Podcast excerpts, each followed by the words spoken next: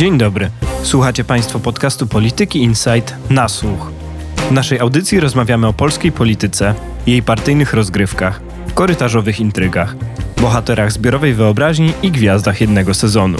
Ja nazywam się Ryszard Łuczyn, jestem analitykiem do spraw cyfrowych i politycznych w Polityce Insight i zapraszam na kolejny odcinek.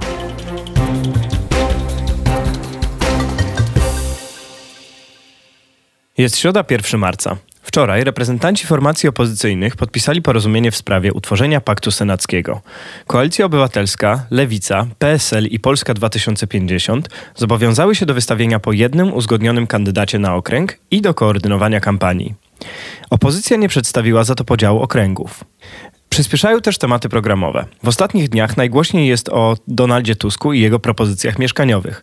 Ale dziś Polska 2050 z PSL przedstawiły swoją wspólną listę spraw do załatwienia. O nowym etapie współpracy opozycji i nowym etapie braku tej współpracy porozmawiam dziś z Joanną Sawicką i Kastorem Kurzelewskim. Zapraszam na nasłuch. Słuchajcie, zacznijmy od tematu najważniejszego, czyli od paktu senackiego. Co wiemy o pakcie oficjalnie, co nam powiedzieli reprezentanci opozycji wczoraj, a co wiemy nieoficjalnie? I ta druga część pytania odnosi się przede wszystkim do podziału okręgów. Zacznijmy od uporządkowania faktów. Wczoraj na konferencji w Senacie przedstawiciele czterech największych partii opozycyjnych, czyli Nowej Lewicy, którą reprezentował Dariusz Wieczorek, Platformy Obywatelskiej, którą reprezentował Marcin Kierwiński, Polski 2050, reprezentowanej przez jedynego senatora formacji Jacka Burego, Piotr Zgorzelski z PSL-u, wicemarszałek Sejmu, ogłosili, że w każdym senackim okręgu, których jest 100, są to jednomandatowe okręgi wyborcze, opozycja zgodzi się na tylko jednego kandydata, który będzie ją reprezentował. Na konferencji był też oczywiście Zygmunt Frankiewicz, czyli senator Koalicji Obywatelskiej, który z takiej strony samorządowej koordynował pracę. Tak, senator związany z ruchem Tak dla Polski i były prezydent Gliwic panowie właśnie w tym składzie od kilku miesięcy negocjowali pakt senacki. Do tej pory negocjowali, a od teraz będą koordynować prace polegające na jego wdrożeniu, to znaczy między innymi będą przygotowywać kampanię wyborczą oraz będą negocjowali i ustalali, które okręgi przypadną którym partiom.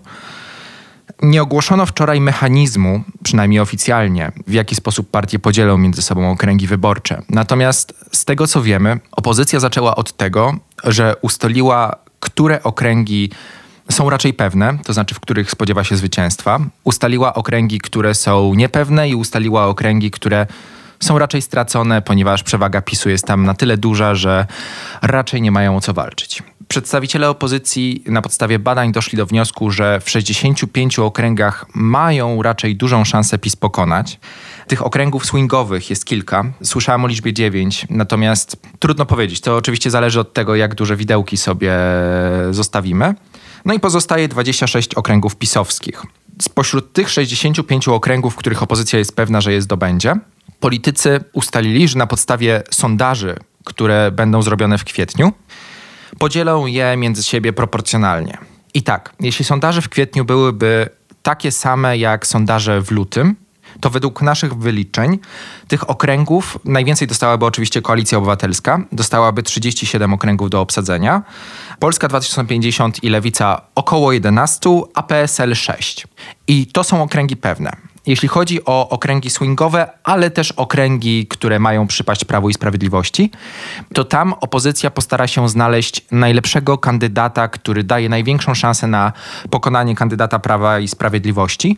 No i z oczywistych powodów to będą przede wszystkim politycy bardziej konserwatywni, czy jacyś lokalni działacze, samorządowcy. Też w tych okręgach szanse prawdopodobnie dostaną jakieś mniejsze ugrupowania, które nie uczestniczyły w negocjacjach Paktu Senackiego, na przykład Porozumienie w Chełmie, który jest okręgiem mocno pisowskim. Z Chełma jest senator Porozumienia Józef Zając i mimo, że Porozumienie w pakcie nie uczestniczyło, dostanie on prawdopodobnie szansę startu właśnie z tego okręgu. Jeżeli chodzi o te nieoficjalne wieści, to znaczy o to, jaka partia dostanie jakie okręgi, to No tak naprawdę jeszcze niewiele wiadomo. To znaczy w ogóle to ogłoszenie tego paktu senackiego to nie było jakieś bardzo ekscytujące wydarzenie. To znaczy spodziewamy się tego od wielu miesięcy. Wiemy, że to nastąpi, że to musiało nastąpić, że po prostu nie ma dla opozycji innej drogi. Jak bardzo by się nie kłócili, jak bardzo by się nie spierali o to, czy startują razem do Sejmu, o jakieś wspólne elektoraty, programy, nie wiadomo o co, to ten pakt senacki był takim must have'em. W sensie to było coś, co koniecznie musi się wydarzyć,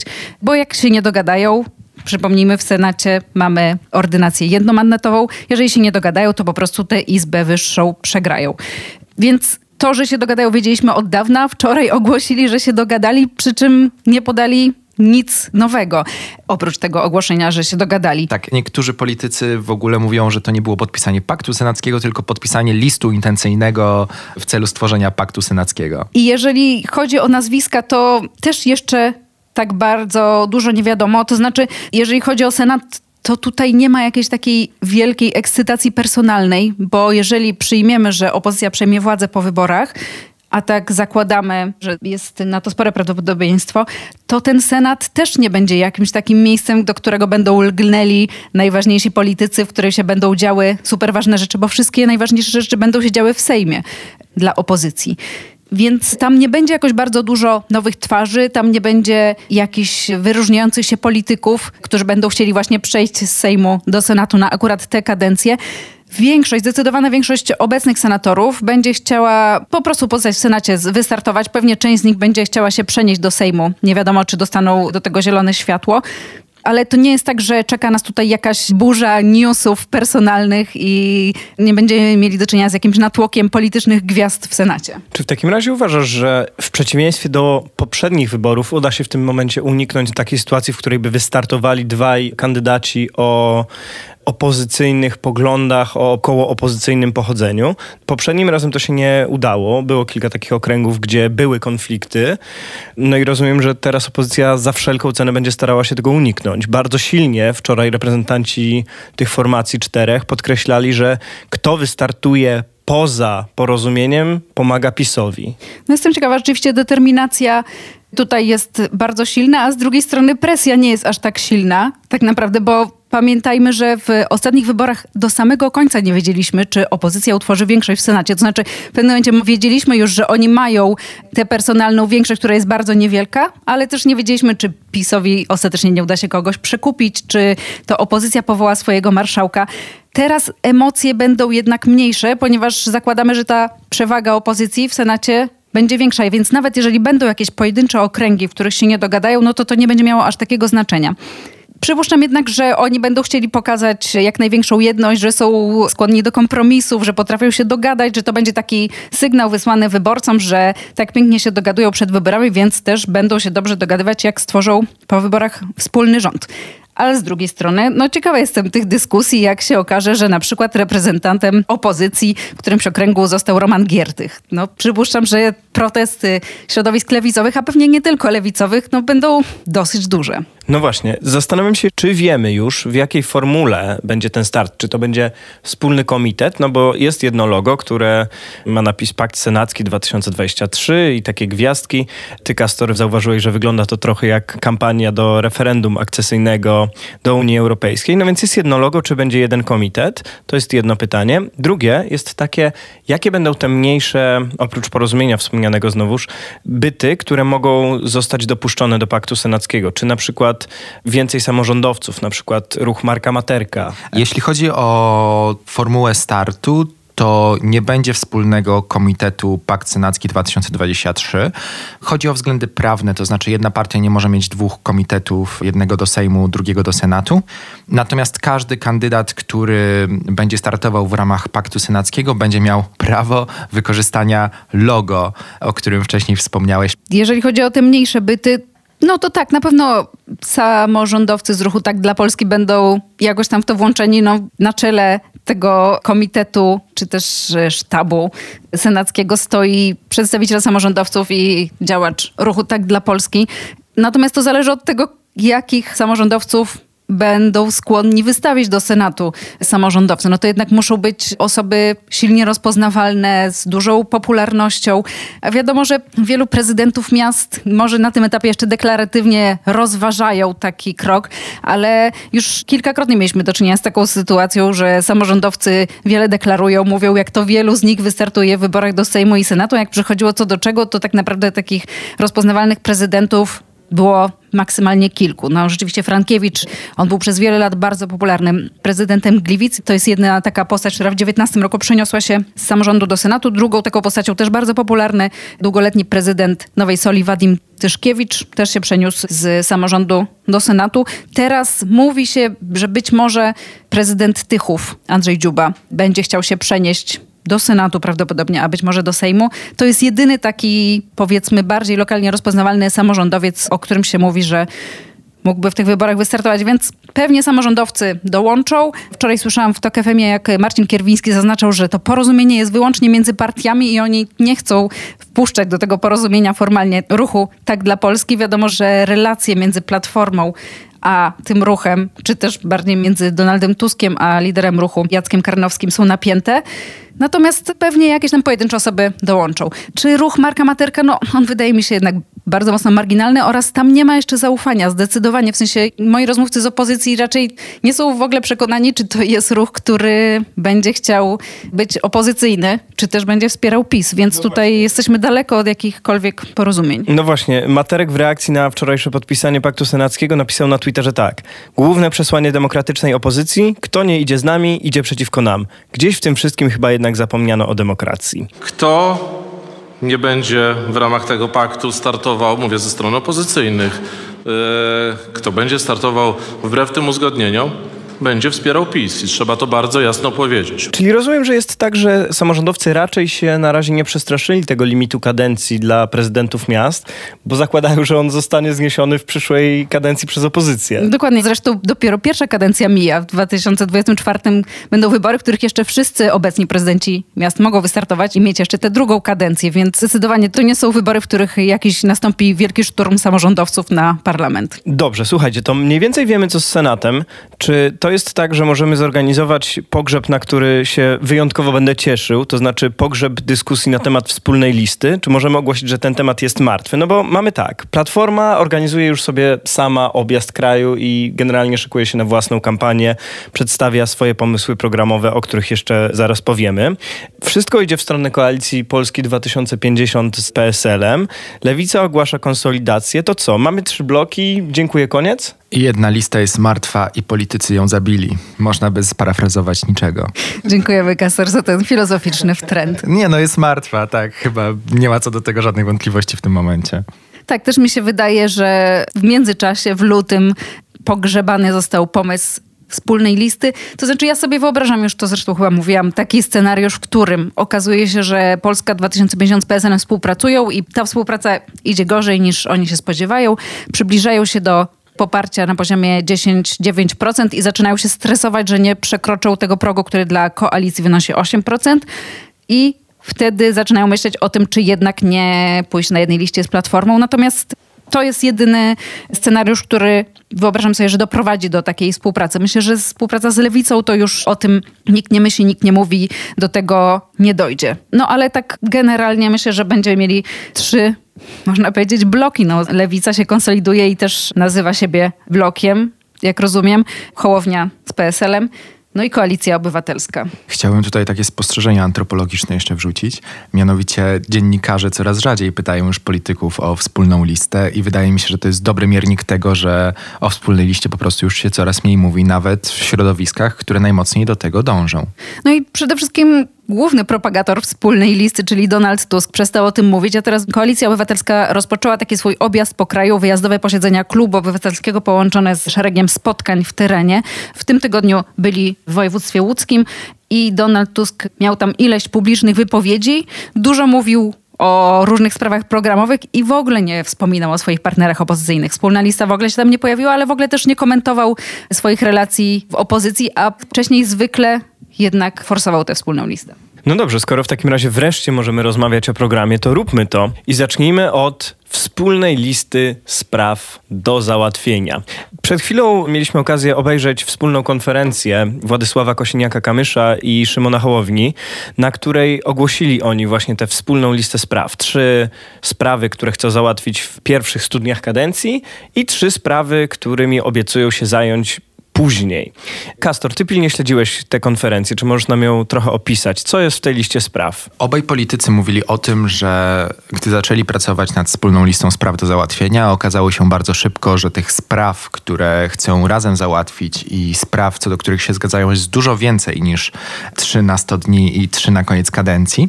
Dlatego te postulaty, które nam pokazali, są bardzo obszerne i tak naprawdę są więcej niż sześcioma postulatami.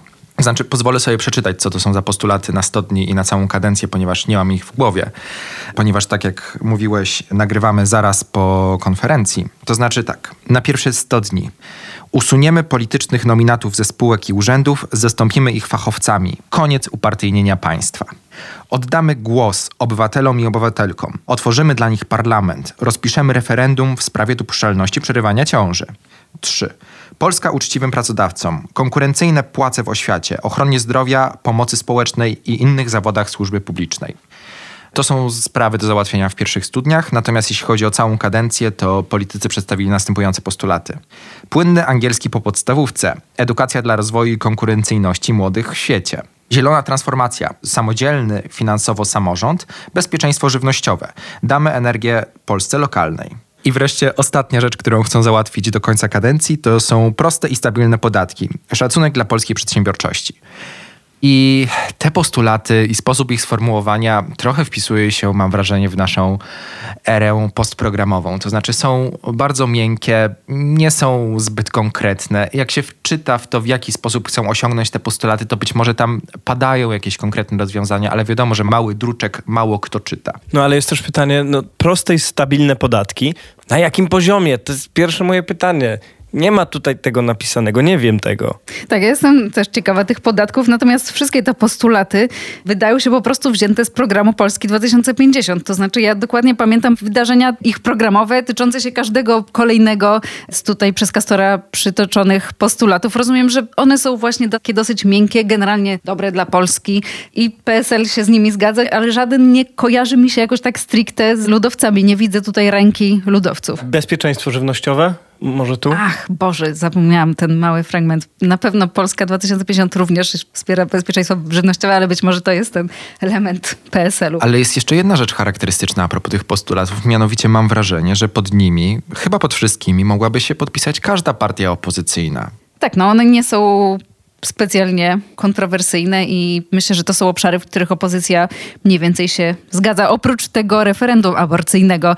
Tak, jasne. Natomiast prawda. jak już rozpiszą rzeczywiście to referendum, no to wiadomo, że poglądy społeczeństwa są jednak mniej konserwatywne niż poglądy panów liderów Polski 2050 i PSL-u i być może efektem takiego referendum, które to czy się wydarzy, to obecnie powątpiewam, ale gdyby się wydarzyło, to być może jego efektem byłaby liberalizacja prawa antyaborcyjnego. Tak, no generalnie jak patrzę na tę listę spraw, czy też dwie listy spraw, to rzeczywiście mam takie wrażenie, że to są takie w większości, oprócz oczywiście właśnie tematu aborcji, że to są takie rzeczy, które każdemu mają się podobać i że obie partie chciały znaleźć sprawy, które je łączą i jeśli w ten sposób się sformułuje takie sprawy, to nie ma w tym żadnego problemu. Dla mnie to, co zostało dzisiaj przedstawione i też to, co panowie na konferencji mówili, że zaczynają się teraz rozmowy polityczne o koalicji już.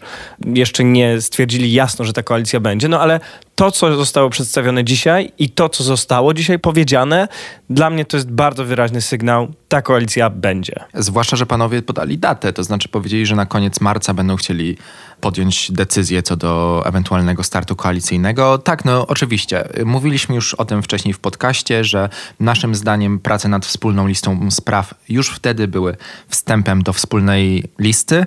Być może przedstawionym w taki sposób, aby ułagodzić trochę struktury, pobadać badać elektorat.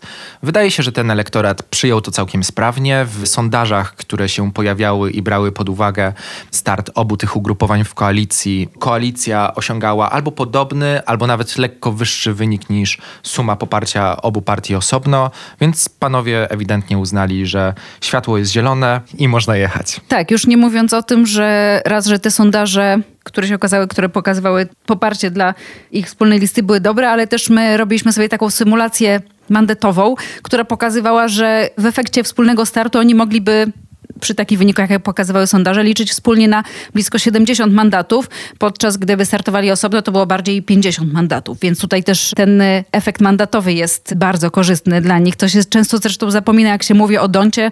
Zwykle mówimy, że ten efekt Donta polega na tym, że największa partia dostaje najwięcej. Natomiast musimy pamiętać o tym, że mandaty są rozdzielane na poziomie okręgów i poza tym 5% progiem, na poziomie kraju są jeszcze faktyczne progi na poziomie okręgów, które często są bliskie 10% lub nawet wyższe, więc partie, które startują osobno i mają powiedzmy 8-6% w sondażach, w wielu okręgach nie przekraczają progu i nie dostają mandatu. A w momencie, kiedy startują razem i mają 15%, to już praktycznie w każdym okręgu dostają przynajmniej jeden mandat. No i wyobrażam sobie, że tak jak mówiliśmy parę tygodni temu, po zapowiedzi tworzenia wspólnej listy spraw, że Teraz na pewno nastąpi badanie struktur, badanie wyborców, jak reagują na te propozycje. Wyobrażam sobie, że pójście o krok dalej przedstawienie tej listy, deklaracja rozmów politycznych jest sygnałem, że te badania wyszły na tyle dobrze, że opłaca się to robić. No to słuchajcie, to drugi temat programowy dni ostatnich, propozycja Donalda Tuska dotycząca mieszkania, które jest prawem, a nie towarem. Hasło zrecyklingowane z elementarza lewicy, zrecyklingowane w dość specyficzny sposób. Donald Tusk zaproponował, by osoby młode do 45 roku życia, więc to jest taka platformerska definicja młodości, mogły wziąć kredyt 0% na mieszkanie i że państwo dopłacałoby też 600 zł do najmu. O co chodzi w tej propozycji? To niby jest lewicowe, ale znany deweloper Józef Wojciechowski bardzo pochwalił tę propozycję. Stwierdził wręcz, że może to jest zbyt duży ukłon w stronę branży deweloperskiej.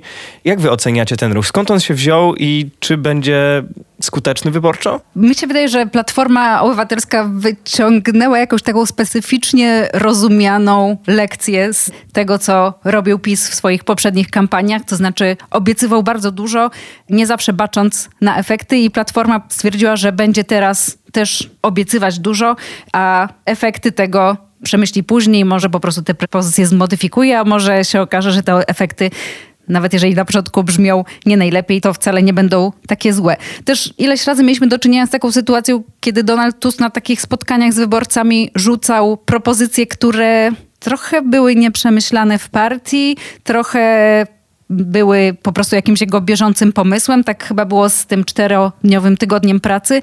Tutaj natomiast chyba jest inaczej, bo posłanka Leszczyna mówiła, że Platforma ma projekt ustawy, który miałby wprowadzać ten program mieszkaniowy. Natomiast wydaje mi się, że to jest obliczone na to, żeby dać chwytliwe hasło i odpowiedzieć na jakiś taki najbardziej bieżący chwilowo problem Polaków, to znaczy brak dostępności mieszkań i to, że kredyty są tak bardzo drogie. Liczą chyba na to, że po prostu usłyszą hasło i uznają, że Platforma odpowiada na najważniejsze problemy Polaków. Nie jestem ekonomistą, natomiast w tej sprawie zgadzam się ze Sławomirem Mencenem, który zauważył, że program Platformy zwiększa popyt, nie zwiększając podaży. Działanie obliczone na zwiększenie popytu nie rozwiąże strukturalnego problemu, jakim jest za mało mieszkań w Polsce. Z tego powodu mnie osobiście bardziej podobają się pomysły lewicy, która chce budować mieszkania komunalne, tanie mieszkania na wynajem. Okej, okay, ale to jak patrzysz na to z perspektywy takiej wyborczej? No bo rozumiem, że chodzi tutaj przede wszystkim właśnie o taki ukłon w stronę młodych osób, że tak jak PiS bardzo stara się zmobilizować ten swój korowy elektorat, słyszymy bardzo dużo propozycji dla rolników, słyszymy jakieś propozycje dla osób starszych, no to tutaj Platforma właśnie idzie w tę lewicującą retorykę w kontekście problemu, który jest bardzo palący dla młodych, trochę ożywiając tę konkurencję właśnie z formacjami lewicowymi, tak? No bo nie sądzę, by dużo wyborców wchodziło w coś, co jednak z perspektywy wyborczej jest niuansem.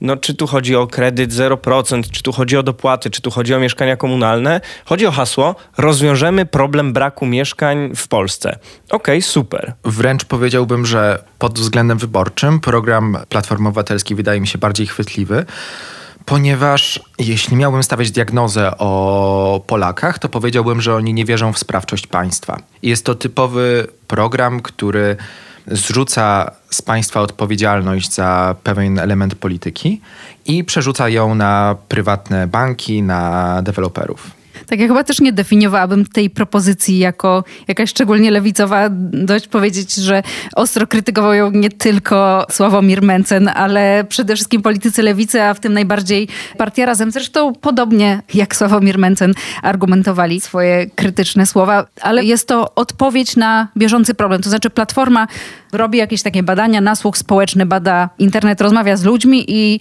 tak jak przez ostatni rok cisnęli temat inflacji, drożyzny w sklepach, cen energii, tak teraz poszli w mieszkania, bo to jest to, co najbardziej słyszą, co jest najbardziej dotkliwe Chyba nie chodzi o to, żeby zabrać głosy wyborcom lewicowym, tylko przedstawić jakiś taki argument, który będzie chwytliwy dla dużej grupy społecznej. Teraz chciałem Wam zadać po tej krótkiej dyskusji pytanie o perspektywę porozumienia programowego opozycji, najpierw przedwyborczego. Mam dla Was cytat ze wspomnianego już dzisiaj Dariusza Wieczorka z klubu Lewicy, który powiedział tak, wczoraj w TOK.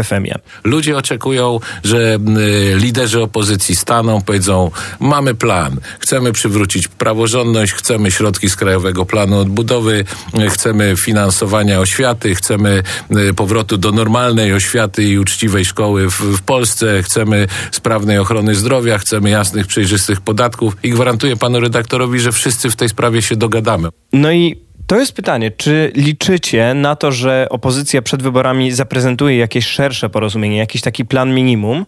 Bo gdyby to miało wyglądać tak jak ta wspólna lista spraw Polski 2050 i PSL-u, no to rzeczywiście można przychylić się do tego stwierdzenia posła Wieczorka, że okej, okay, opozycja się dogada na takim dość ogólnym poziomie. No ale gdyby wchodzić już w jakiekolwiek szczegóły, na przykład tego właśnie jak rozwiązywać kwestie mieszkaniowe, no to tu już jest fundamentalna niezgoda. No więc ja się spodziewam, że oni przedstawią coś podobnego jak PSL z Hołownią i że to będzie dla nich super proste, bo w większości spraw takich bieżących w Polsce oni mają mniej więcej podobne poglądy tak naprawdę te kwestie mieszkaniowe, ja przypuszczam, że oni ostatecznie też się jakoś nawet w tej kwestii dogadają, ale takich większych sporów programowych na opozycji tak naprawdę nie ma. Nie sądzę, żeby to było tak, że oni nie będą w stanie razem się dogadać i razem rządzić po wyborach. W sensie nie wydaje mi się, żeby ta kwestia mieszkaniowa pokazała, że opozycja jest niezdolna do wspólnego rządzenia. Raczej widzę, że oni są podobnie w wielu kwestiach, na przykład te kwestie, które myślę, że będą kluczowe, czyli sprawy energetyczne. Oni mają wszyscy bardzo podobne poglądy w tej sprawie. Jeżeli chodzi o kwestie podejścia do Unii, czy w ogóle polityki zagranicznej, są bardzo podobni. Jeżeli chodzi o praworządność, tutaj jest więcej wspólnego niż rozbieżności. Ja mam trochę tak, że jeśli już identyfikuje się wspólne problemy, to kwestia tego, jak się je rozwiąże, jest do dogadania lub do negocjowania. Druga sprawa jest taka, że tworzenie konkurencyjnych postulatów jest o tyle korzystne z punktu widzenia rozgrywek już po wyborach, że po prostu jest z czego schodzić w ramach negocjacji. To znaczy, Platforma może powiedzieć: No, my się z wami nie zgadzamy w kwestii mieszkaniowej, w kwestii załatwienia tego problemu lewico Natomiast możemy odpuścić w zamian za coś innego i wy będziecie mogli sobie realizować swoje postulaty. Nawet jeśli platforma co do zasady nie ma jakichś mocnych przekonań co do sprawy rozwiązania kwestii kryzysu mieszkaniowego i tego, jak się powinno to zrobić, to wciąż może coś postulować po to, żeby po wyborach móc z tego schodzić. Czyli wy jesteście, jeśli chodzi o funkcjonowanie tego potencjalnego przyszłego rządu opozycyjnego, w miarę spokojni, że to jakoś da się dogadać, bo moja perspektywa jest jednak trochę inna. Jak patrzę na kwestie typu podejście do aborcji, tak? No lewica nie będzie się chciała zgodzić na referendum, na kwestie podatków, No tu jest pytanie o choćby progresywny CIT. No Platforma nigdy się na to nie zgodzi. Lewica będzie bardzo chciała, żeby to się działo. Jest z mojej działki kwestia podejścia do regulacji big techów. Już tutaj nie będę w to wchodził, no ale kwestia choćby tego, kto powinien ponosić koszty infrastrukturalne. Jak rozwiązywać wspomniane kwestie mieszkaniowe. Na ile stawiać na prywatną ochronę zdrowia, a na ile na publiczną. I tutaj jest naprawdę z mojej perspektywy szereg takich niezgodności, które jak mnie się wydaje, sprawią, że o ile taki poziom tego minimalnego wspólnego mianownika będzie rozwiązany, tak? Rozdzielona zostanie funkcja prokuratora generalnego od ministra sprawiedliwości, jasne. Poprawiona zostanie relacja z Unią Europejską, jasne. I ten poziom zostanie rozwiązany w ogóle bez dwóch zdań. Ale uważam, że w wielu kluczowych kwestiach absolutnie nie będzie fundamentalnych reform, dlatego że te wszystkie siły będą ciągnęły w różne strony. Za mojego świadomego życia nigdy nie było rządu o tak rozbieżnych opiniach i poglądach, jaki będzie skonstruowany po wyborach, dlatego przechodzimy do spraw trochę bardziej spekulatywnych, zwłaszcza dla mnie. Natomiast ja bym sobie rozdzielił okres powyborczy na dwa etapy. Pierwszy etap to będzie czyszczenie po PiSie. To będą rzeczy, co do których generalnie wszystkie partie się zgadzają. Odblokujemy KPO, rozdzielimy stanowisko prokuratora generalnego od ministra sprawiedliwości, zrobimy kilka rzeczy takich ogólnofajnych, co do których wszyscy krytykowaliśmy PiS. Natomiast po pewnym czasie, być może ta symboliczna liczba 100 dni będzie wyznaczać ten okres, natomiast znowu spekuluję bardzo mocno, zaczną do głosu dochodzić różnice, które faktycznie są duże. No chyba dwie najbardziej różniące się partie to jest PSL i Lewica. I tym samym zacznie się już taki etap, który będzie w pewien sposób przygotowaniem do następnej kampanii wyborczej. To znaczy, partie zaczną znowu mówić do swoich elektoratów, bo jak już zostaną załatwione sprawy najważniejsze, czyli posprzątanie Polski, trzeba zacząć budować w pewnym momencie. I etap budowy będzie etapem kryzysu, który jeszcze dalej wybiegając w przód, czy doprowadzi do przyspieszonych wyborów, Trudno powiedzieć. W tym momencie to jest nieprzewidywalne. Natomiast nie wykluczałbym takiego scenariusza, że następny rząd nie przetrwa do końca swojej kadencji. Zgadzam się z Kastorem. Myślę, że na początku będą rozwiązywane kwestie, w których mniej więcej wszyscy się będą zgadzać, a jak się nie będą zgadzać, to Donald Tusk będzie skutecznie uciszał tych, którzy się nie będą zgadzać, bo będzie ileś super ważnych kwestii do załatwienia właśnie po rządach PiSu w pierwszym roku rządzenia nikt nie będzie wprowadzał reformy podatkowej, nikt nie będzie wprowadzał reformy ochrony zdrowia, nie będzie żadnych tego typu reform, to będzie dopiero jakiś tam dalszy etap. Natomiast y, też myślę, że no Platforma będzie miała jednak dosyć dużą przewagę nad tymi mniejszymi partiami i jakoś będzie starała się to rozgrywać i narzucać często swoje zdanie. Słuchajcie, bardzo Wam dziękuję za te rozmowy. Na koniec sobie pospekulowaliśmy już trochę, zaczynając od jednej wielkiej spekulacji, że opozycja zwycięży te nadchodzące wybory. Trochę podzieliliśmy już skórę na niedźwiedziu. Dziękuję bardzo, że podzieliliście ją ze mną i dziękuję Państwu za uwagę. Dzięki. Dzięki. Na dziś to wszystko. Zapraszam w przyszłym tygodniu na kolejny odcinek na słuchu. Posłuchajcie również innych naszych audycji, które znajdziecie w najważniejszych serwisach podcastowych i Radiu Tok FM. W pole wyszukiwania wpiszcie po prostu Polityka Insight. Słuchajcie, obserwujcie i komentujcie. Do usłyszenia.